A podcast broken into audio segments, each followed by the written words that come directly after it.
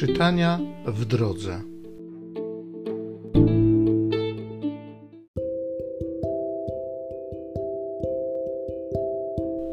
Z listu do Hebrajczyków. Wielokrotnie i na różne sposoby przemawiał niegdyś Bóg do ojców naszych przez proroków, a w tych ostatecznych dniach przemówił do nas przez Syna jego to ustanowił dziedzicem wszystkich rzeczy, przez Niego też stworzył wszechświat. Ten Syn, który jest odblaskiem Jego chwały i odbiciem Jego istoty, podtrzymuje wszystko słowem swej potęgi, a dokonawszy oczyszczenia z grzechów, zasiadł po prawicy majestatu na wysokościach. On o tyle stał się większy od aniołów, o ile odziedziczył dostojniejsze od nich imię. Do którego bowiem z aniołów powiedział Bóg kiedykolwiek: Ty jesteś moim synem, ja cię dziś zrodziłem. I znowu: Ja będę mu ojcem, a on będzie mi synem. A skoro ponownie wprowadzi pierworodnego na świat, powie: Niech mu oddają pokłon wszyscy aniołowie Boży.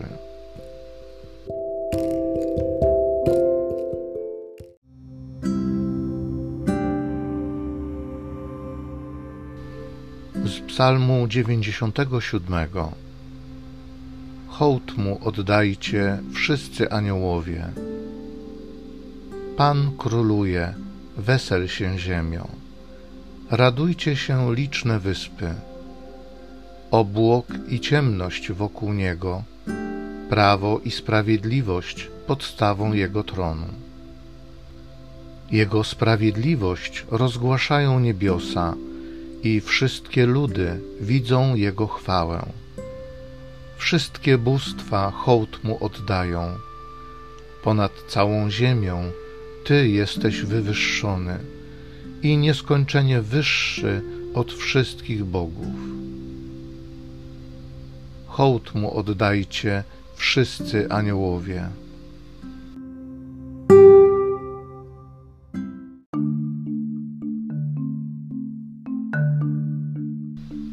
Bliskie jest Królestwo Boże. Nawracajcie się i wierzcie w Ewangelię.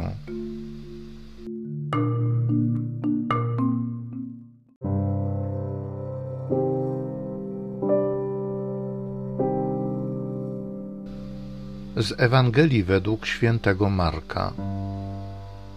Gdy Jan został uwięziony, Jezus przyszedł do Galilei i głosił Ewangelię Bożą. Mówił: Czas się wypełnił i bliskie jest Królestwo Boże. Nawracajcie się i wierzcie w Ewangelię. Przechodząc obok jeziora galilejskiego, ujrzał Szymona i brata Szymonowego Andrzeja, jak zarzucali sieć w jezioro. Byli bowiem rybakami.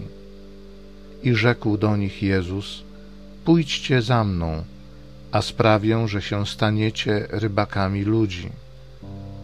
A natychmiast porzuciwszy sieci, poszli za nim.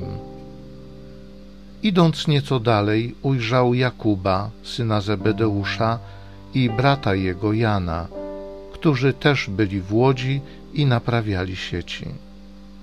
Zaraz ich powołał, a oni, zostawiwszy ojca swego Zebedeusza razem z najemnikami w łodzi, poszli za nim.